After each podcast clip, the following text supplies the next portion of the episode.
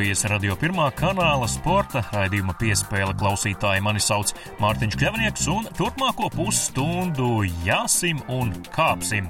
Runāsim par jāšanas sportu, jo tur Latvijas pārstāvis kvalificējies Tokijas Olimpiskajām spēlēm savukārt vēl arī par kāpšanas sportu, kuram par godu nesen izdota arī grāmata. Raidījuma otrajā daļā arī par basketbolu, bet par to visu jau pēc pavisam īsa brīža.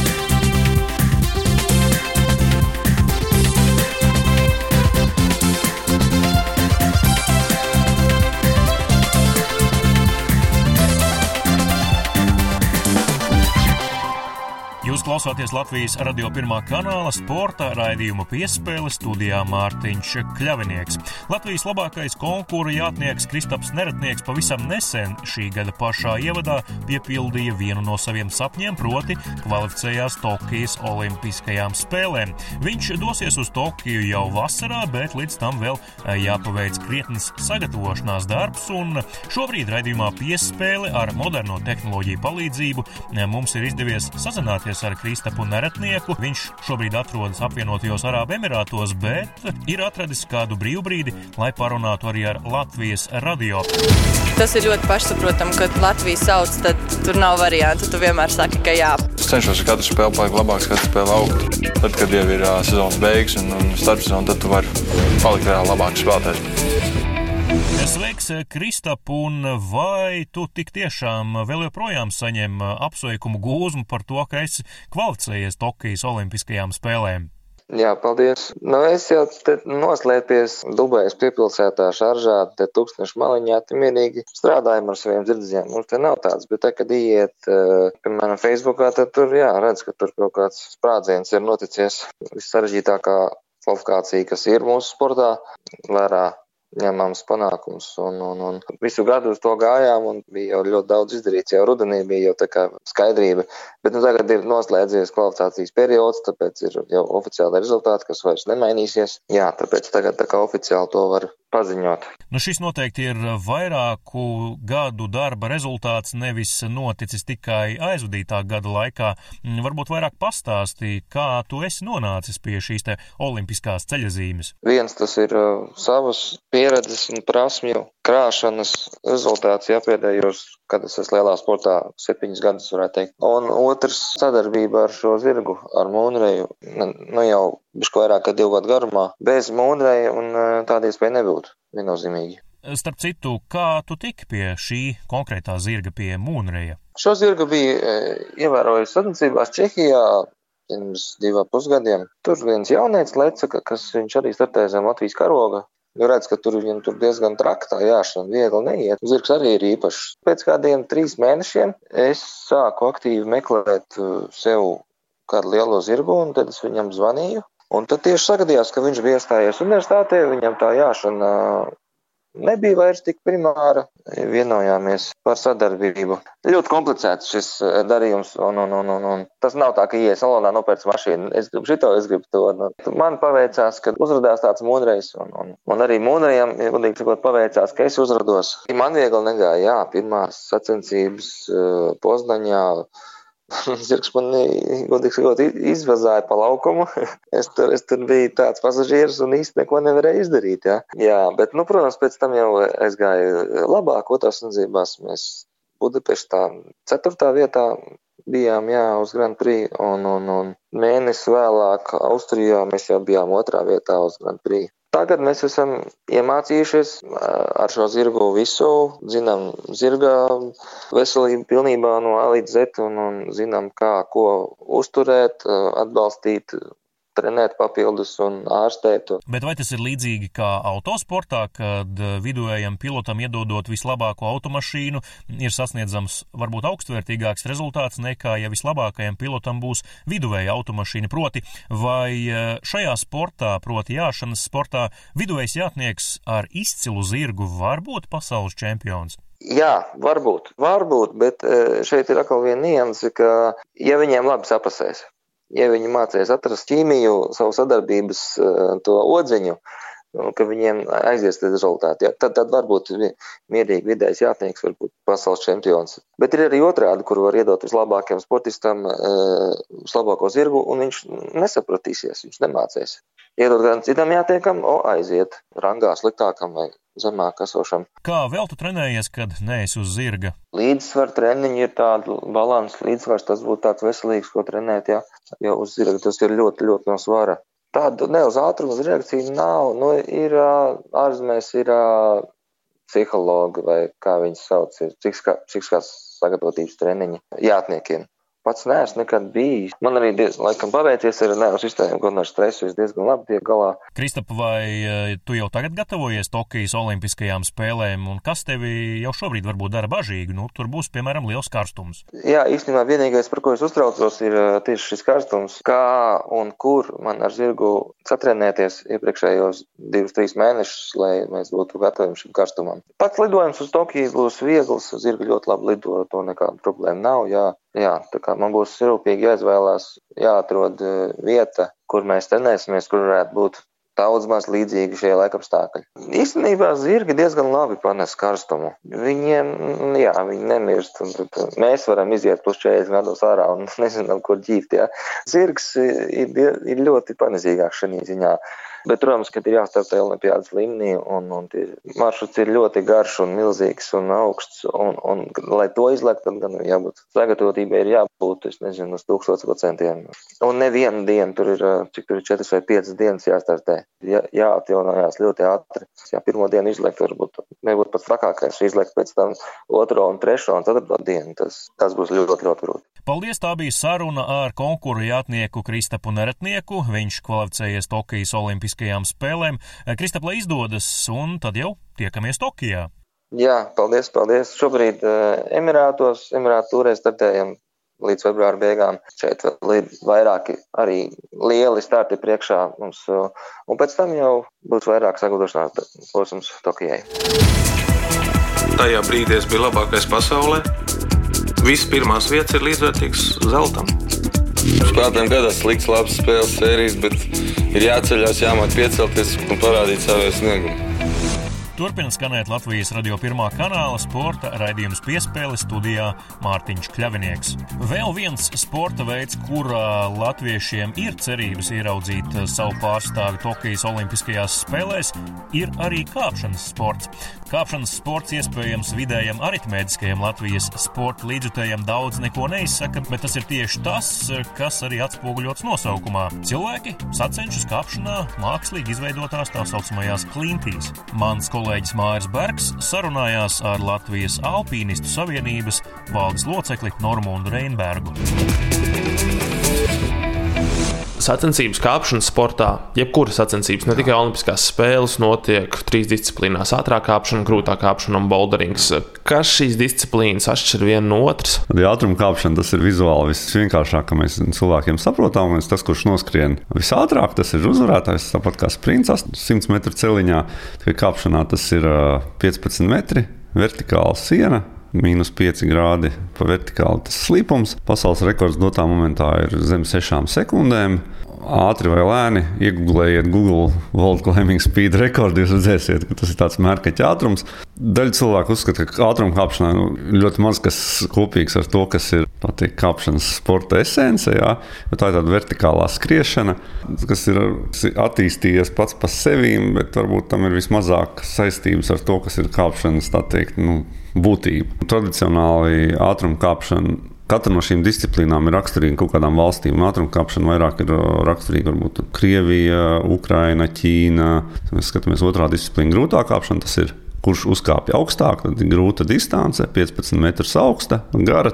Kurš tiek vis tālāk, ideālā variantā, līdz galam tiek viens cilvēks. Tas ir tas, kas kāpšana ir pēc būtības. Mēs mēģinām pārvarēt sevi, izdarīt katrs savam līmenim atbilstoši kaut ko grūtāku, grūtāku un grūtāku, un tā mēs sev pilnveidojam. Grūtā kāpšana savukārt tradicionāli vairāk populāra rietumu valstīs, un bouldrings tā ir disciplīna, kas gūst savukārt no visiem trim pēdējos laikos, kļūst vispopulārākā. Tā tā, ka tā ir vissociālākā. Ja mēs kāpjam ar virvi, tad viens kāpj, otrs drošina. Mēs beigās daudz nesarunājamies savā starpā. Mums pietiekoši daudz uzmanības ir jāvelta, lai to otru droši nolaistu lejā, lai viņš nenosistos. Tad komunikācijas starp cilvēkiem ir, viņa ir, bet viņa kaut kādā ziņā ir ierobežota. Savukārt bouldrings tā ir, ir kāpšanas sienas ir zemas, 4, būtu maksimums 4,5 metri. Un apakšā ir mīkstais grīdas segums, kas arī nodrošina to, ja cilvēks krīt. Varbūt nav 100% garantija, bet tomēr tas ir tas, kas mūs paglāba no atcišanās pret zemi. Attiecīgi, cilvēki izkāp šo īso maršrutu, tas prasa varbūt pusminūti, minūti. Jā, maršruts ir grūts.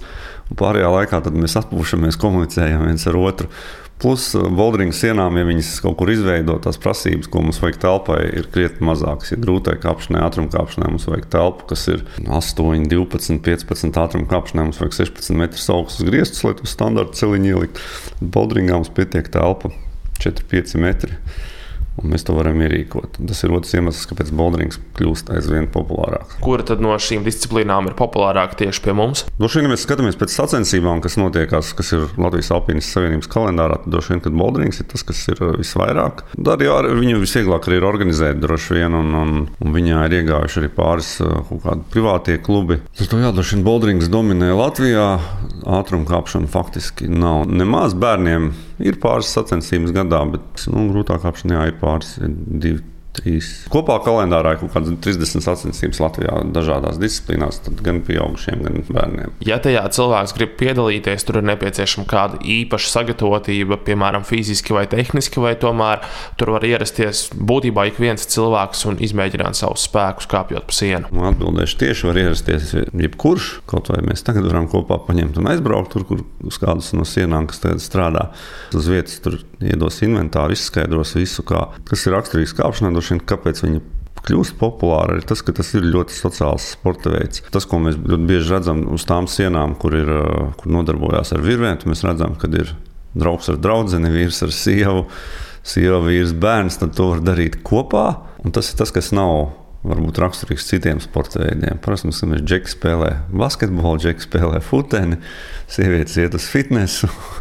Un ko mēs kopā darām, kaut ko sestdienās, svētdienās. Kāpt jūs varat trīs reizes, četras reizes nedēļā kopā ar visu ģimeni, cik nu jūs paši gribat. Uzreiz droši vien ir jārunā arī par popularitāti šim sporta veidam. Cik daudz apmēram cilvēku ne tikai sacensībās, bet vispār ir pievērsušies šim? Nu, man jautājums, kuru nav konkrēts atbildes, viennozīmīgi, ka tas paliek populārāks, jo sienas kļūst pieejamākas, viņas ir tā skaitā rajonos, tā skaitā mazākās vai tās lielas, mazas, viņas tad lēnām ienāk skolā. Kāpšana pat par sevi atbilst arī jaunajiem izglītības standartam. Līdz ar to tur, kur skolotāji un skolas ir aktīvi aktīvāks. Tur tās sienas parādās arī skolās, varbūt ne gluži ar virvēm, bet vienkārši kā traverses sienas, kur mēs ejam nevis uz augšu, bet uz sāniem kāpjam. Konkrēti skaitļi. Federācijā dotā momentā Latvijā par federācijā par biedru var būt tikai juridisks personis. Tad mums ir 15 biedri. Tad no galvas nepateikšu, cik, viņi, cik ir uzrādītais biedru skaits kopā. 5, 6, 100. Es pieņemu, ka cilvēku skaits, kas praktizē kāpšanu, ir krietni lielāks. Cik dārgs ir šis sports veids, lai varētu ar to nodarboties gan individuāli, gan kopā ar draugu, draugu vai visu savu ģimeni? Man globāli ņemot, viņš nav dārgs sports veids. Jūs varat aiziet rekur, uz zāli. Zālē būs apmeklējuma cena, kāda viņa konkrēti tajā zālē ir. Tie var būt nezinu, 4 eiro, 8 eiro, 7 tas no kā nu kurā vietā. Inventāri jūs attiecīgi vai nu jums iedos pa brīvu vai izīrēs. Tas arī viss. Ja jūs gribat pašu nopirkt inventāru, jūs iekļausieties noteikti 100-150 eiro kliņš kurpes drošības josta. Varbūt virvi divas karabīnas drošināšanas ierīces. Tas arī viss Boldringā. Tikai kliņš kurpes vecāki savus bērnus labprātīgi laiž šajā sporta veidā, ņemot vērā, ka tomēr runa ir par lieliem augstumiem, kaut vai 4 līdz 5 metri. Tas tomēr ir gan liels augstums mazam bērnam, un arī pieaugušajiem tas nav maz. Mēs skatāmies statistiku, tad uh, no traumatisma viedokļa kāpšana ir mazāk traumatisks nekā ļoti daudzi plaši pazīstams sports veids. Tas pats futbols, basketbols, runājot par sporta dejām. Tas ir bijušas sacensības, kur māsiņa tā teikt dežūrē. Viņa saka, pirms ir garlaicīgi, mums divas dienas nekas nenotiek. Es aizēju uz sporta dejām, tur man ir izčakarēts potītis katru dienu un vēl vairākus. Jā. Statistiski tas nav bīstams sporta veids. Viens no iemesliem ir tas, ka tajā brīdī, kad jūs atnākat ar viņu nodarboties, jūs tiekat informēts par lietām, kas var aiziet greizi protams, cilvēciskā kļūda. Es, es nemēģināšu apgalvot, ka kāpjot pa kāpšanas sienām visā pasaulē neviens nav aizgājis bojā. Diemžēl ir. Tā kā, nu, katram ir savs, protams, kaut kāds tur riska, cik viņš uzņem šo risku un cik tas viņam ir pieņemams.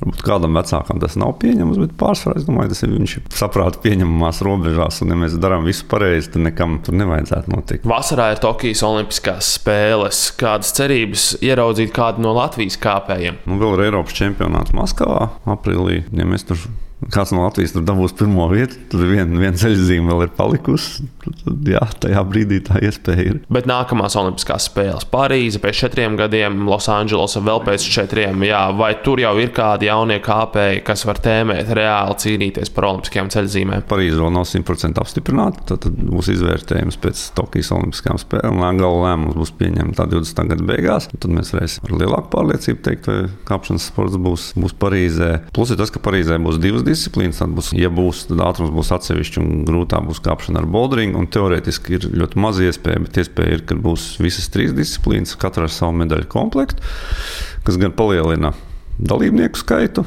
Tad palielinās iespējas, lielākas iespējas kvalificēties. Es domāju, jā, pats Edvards Gruzīts, kas ieguva jauniešiem savā grupā trešo vietu pasaulē pēc četriem gadiem. Viņš būs gan kļuvis vecāks, tagad viņš diemžēl vēl nevar kvalificēties. Viņš pa jaunu, bet uz, uz Parīzi viņš varēs. Domāju, ka jā. Tad Tokijā, kā jau iepriekš minējāt, visas trīs disciplīnas kopā viens olimpiskais čempions. Jūsuprāt, tā ir pareiza medaļu sadalīšanas sistēma, vai tomēr visi šie kāpēji, katrs specializējās vienā atsevišķā disciplīnā un visu samest vienā katlā, nav pareizākais veids, kā to risināt? Tas ir kompromiss. Bija federācijas, kas labāk startē ātrumkāpšanā, un viņas labprāt vēlētos redzēt Olimpijādē tikai ātrumkāpšanu, cits labprāt vēlētos redzēt tikko grūto kāpšanu. Un tā kā iespējas visu ielikt nevar, tad es domāju, ka kompromiss viņš ir labs. Svarīgi, ka mēs tur esam. Tas palielina gan sporta veidu popularitāti, atpazīstamību. Tas ir milzīgs solis uz priekšu, un tas ir labs, liels solis uz priekšu sporta veidam, un viņš ir jāpieņem kā dāvana. Ņemot vērā šo iekļaušanu Olimpiskajās spēlēs, kā jūs saskatāt kāpšanas sporta attīstību Latvijā un arī visā pasaulē nākamo dažu gadu laikā? Es teiktu, visā pasaulē notiek kāpšana. Ja to mēs redzam, kāpšanas zāles aug tā kā sēnes pēc lietas. Mēs paskatāmies, izaugsme Amerikā teiksim, ir 10% gadā, tad katru nākamo gadu ir par 10% vairāk platības, kur kāpt telpās. Tad Latvijā, es domāju, ja mēs skatāmies uz tīras federāciju, nākamais 20. un 21. gadsimts ir milzīgs izaicinājums, Izglītības zinātnes ministrija grib pārskatīt sporta finansējumu, izvirzīt prioritārus sporta veidus. Es gribētu teikt, nosaukt nevis prioritārus, bet izredzētus sporta veidus. Vienam patīk spēlēt basketbolu, citam patīk kāpt. Ja sporta veidā ir atzīta Latvijas likumdošanai atzīta sporta veidu federācija, vajadzētu arī būt vienādām iespējām saņemt no valsts šo finansējumu. Valsts var izlemt, finansēt vai nefinansēt sporta veidu.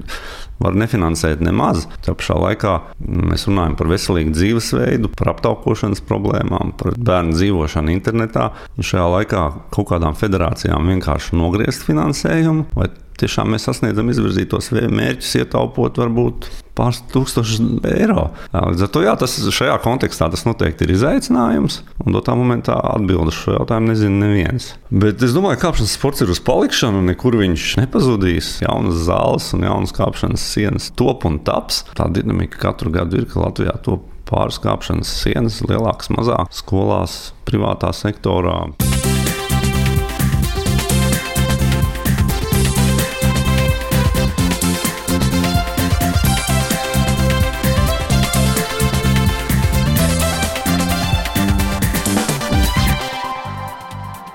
Tātad šajā redzējumā esam gan jājuši, gan arī kāpuši. Tagad jāparunā par Latvijā tradicionālāku sporta veidu, proti, basketbolu, bet netradicionālā manierē. Savulaik par profesionāļu karjeru sapņoja arī Andris Kehris, taču viņam diemžēl neizdevās aizsniegt šādas virsotnes.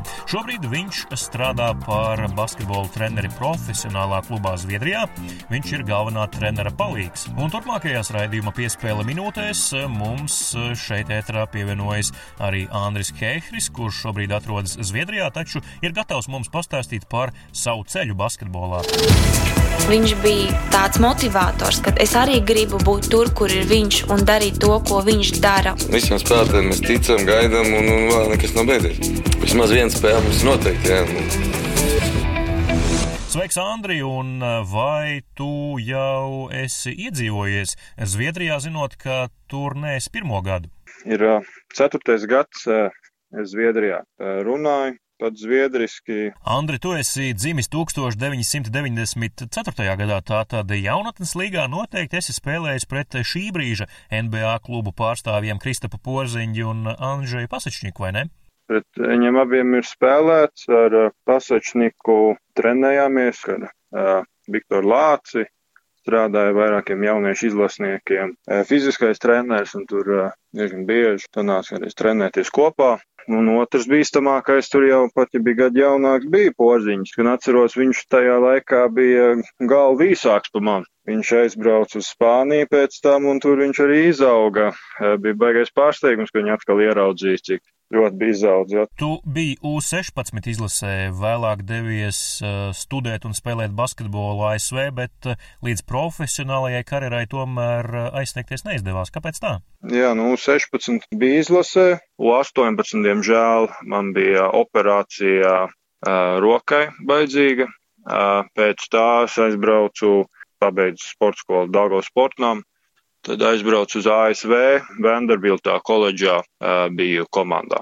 Pēc tā beidzās man spēlētāja karjera, zinu, man sanāca vairāk smadzeņu satricinājumu, un man īsnībā dēļ tā atskait no komandu, un ārsti brīdināja, kad ar vēl vienu smadzeņu satricinājumu, ka man būs sekas arī ārpus basketbola. Smadzeņu satricinājums tomēr ir tāda ierasta hokeja, nevis basketbola trauma. Kā tu pamanījies divreiz gūt šādu traumu? To man bieži prasa, ka tas nedzirdēt basketbolistiem, bet nē, es, es vienalga sedzu garos diezgan daudz, pats esot īsāk augumā un lepojos ar savu aizsardzību. Man abus smadzeņu sasājums sarīkoja mūsu centrs, kam bija 214. Viņam elkoņi pagadījās tādā ļoti labā augstumā priekš manas galvas un, nu, pats visu laiku līdu virsū un katru treniņu dabūju dažus sitienus, un kādreiz sanāca bišku stiprāk. Vai gan jau visjaukākais, labākais čels komandā bija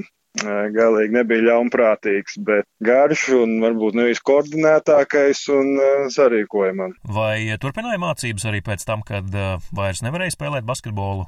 Drīkst turpināt, un es turpināju. Vienu gadu pēc basketbola kaut kādīgi šķita, ka bez basketbola nebija vērts palikt Amerikā. Tā kā, kad vairs nevarēju spēlēt, tad lēmu atgriezties un neesmu Azolējis augstskolu īstenībā nav augstskolas izglītība pabeigta. Pa priekšu atgriezos Latvijā un strādāju. Nu, vienu skaidru karjeru nevar teikt, kā turpināju, bet, nu, vairākos dažādos darbos, būvniecībai vai ko citu strādāju un uh, naudu bija jāpelna. Un uh, pārcēlos uz Zviedriju, un tas īstenībā bija no sākuma arī nesaistīts ar basketbolu. Tas arī bija dēļ darba. Es sāku strādāt kā tulks ar latviešu valodu un angļu valodu, bija iespējas labāk atalgojumu saņemt Zviedrijā. Tā pārcēlos. Un e, pirmais gads Zviedrijā pagāja bez basketbola. E, daži Zviedrijā dzirdēja par to, ka es esmu bijis gan augstskolā ASV, gan bijis vairākās Latvijas izlasēs. Man uzlūdz, vai es negribētu atnākt, ierasties uz e, vienu treniņu, pastīties, vai es kaut ko nevaru padarīt. Tas bija komandai, bet tas bija vienam gimnāzijām vienam. Stokholmā tā ir labākā it kā, nu, sporta skola, kur ir rīta treniņi basketbolistiem un tā.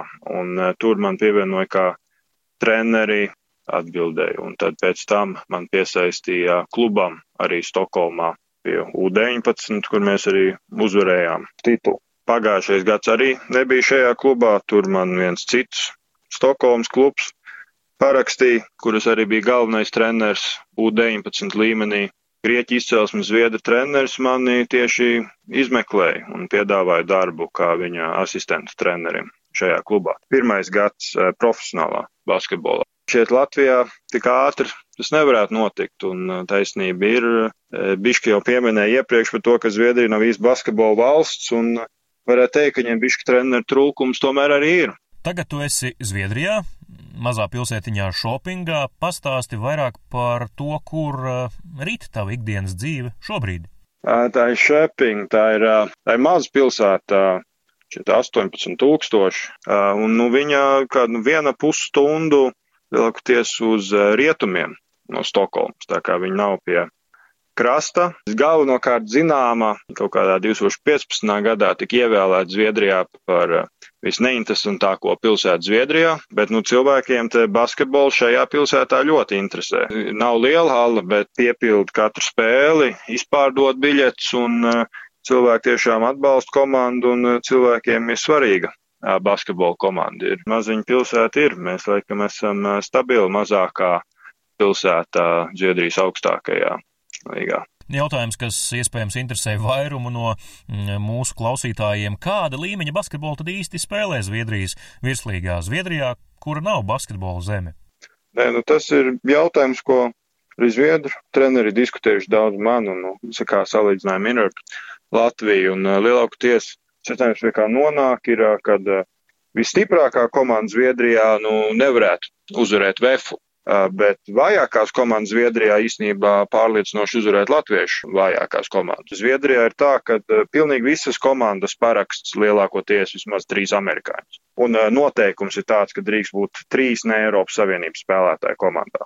Čempioni ir grūti noteikt, kas būs čempions katru gadu. Tomēr Latvijā mēs zinām, ka Vēfs tur augstklā būs, Ventspils un iepriekš, protams, bija ASK, Barons un tālāk, bet, nu, kad ir diezgan skaidri, ka ir uh, tikai daži klubi, kas sacenšas. Zviedrijā ir daži augstu līmeņu spēlētāji, viņam ir vairāk izlašnieki, kas spēlē arī Zviedrijā, bet uh, vietējo spēlētāju līmenis ir zemāks nekā Latvijā. Visiem vismaz kaut ko maksā, jā, un nu, visi ārzemnieki ir, uh, ir profesionāli, pilni tikai profesionāli, neko citu nedara. Mēs esam viens no klubiem īstenībā ar vismazāko budžetu tām top komandām, kas ir Sēde Teļu, Leo, Viņiem ir liels naudas un viņiem būtībā viss sastāvs ir profesionāli. Mums ir tā, ka mums tikai nezviedru spēlētāji ir tīri profesionāli. Visiem pārējiem atšķirās būtiskākiem spēlētājiem. Mums ir, piemēram, mūsu kapteins uh, Niklas Lārsons, kurš potenciāli, kurš bija Zviedrijas B izlasē. Ne, viņam, viņam ir tuvu profesionālajai algai viņam ir tā, ka viņam ir paša lēmums, vairāk, ka viņ, viņš kaut ko mācās. Kaut, kā, kaut ko viņš strādā pārējā daļa, pārējie zviedru spēlētāji. Tu esi arī latvieša Ernesta Kāvas treneris. Viņš ir septiņus gadus vecāks par tevi. Vai sākumā nebija nedaudz dīvaini trenēt par sevi ievērojumu vecāku spēlētāju? Teikšu, jā, nu, bija no sākuma pašam šķita, ka varbūt viņš nē, būs, kad jās pieredzējušāk, bet nē, nu, Ernests, jebkurā gadījumā tiešām profesionāls un strādā kārtīgi un patais to viegli strādāt ar viņu. Problēmas nav un klaus un tiešām ļoti viegli ar viņu strādāt. Paldies, tas bija Andris Kehris, Zviedrijas basketbola kluba Shoppingas stars treneris. Andri, kādi ir tavi tuvākās nākotnes mērķi basketbolā?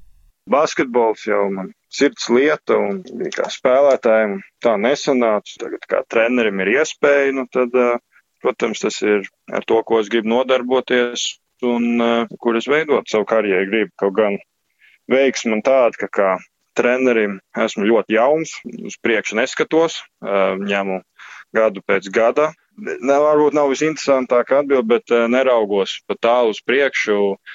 Tikai šobrīd šos, šī sezona ir, mums ir labas iespējas sasniegt daudz ko, nu, jo labāk rezultāti būs komandām, jo labāks iespējas arī būs pašam.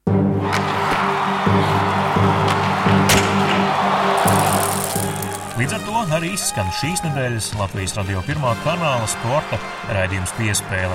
Studijā biju es, Mārtiņš Kļavinieks, man raidījumu veidot palīdzēja arī kolēģis Māris Bergs, bet par labskaņu kā Alēš parūpējās Nora Mītspapa.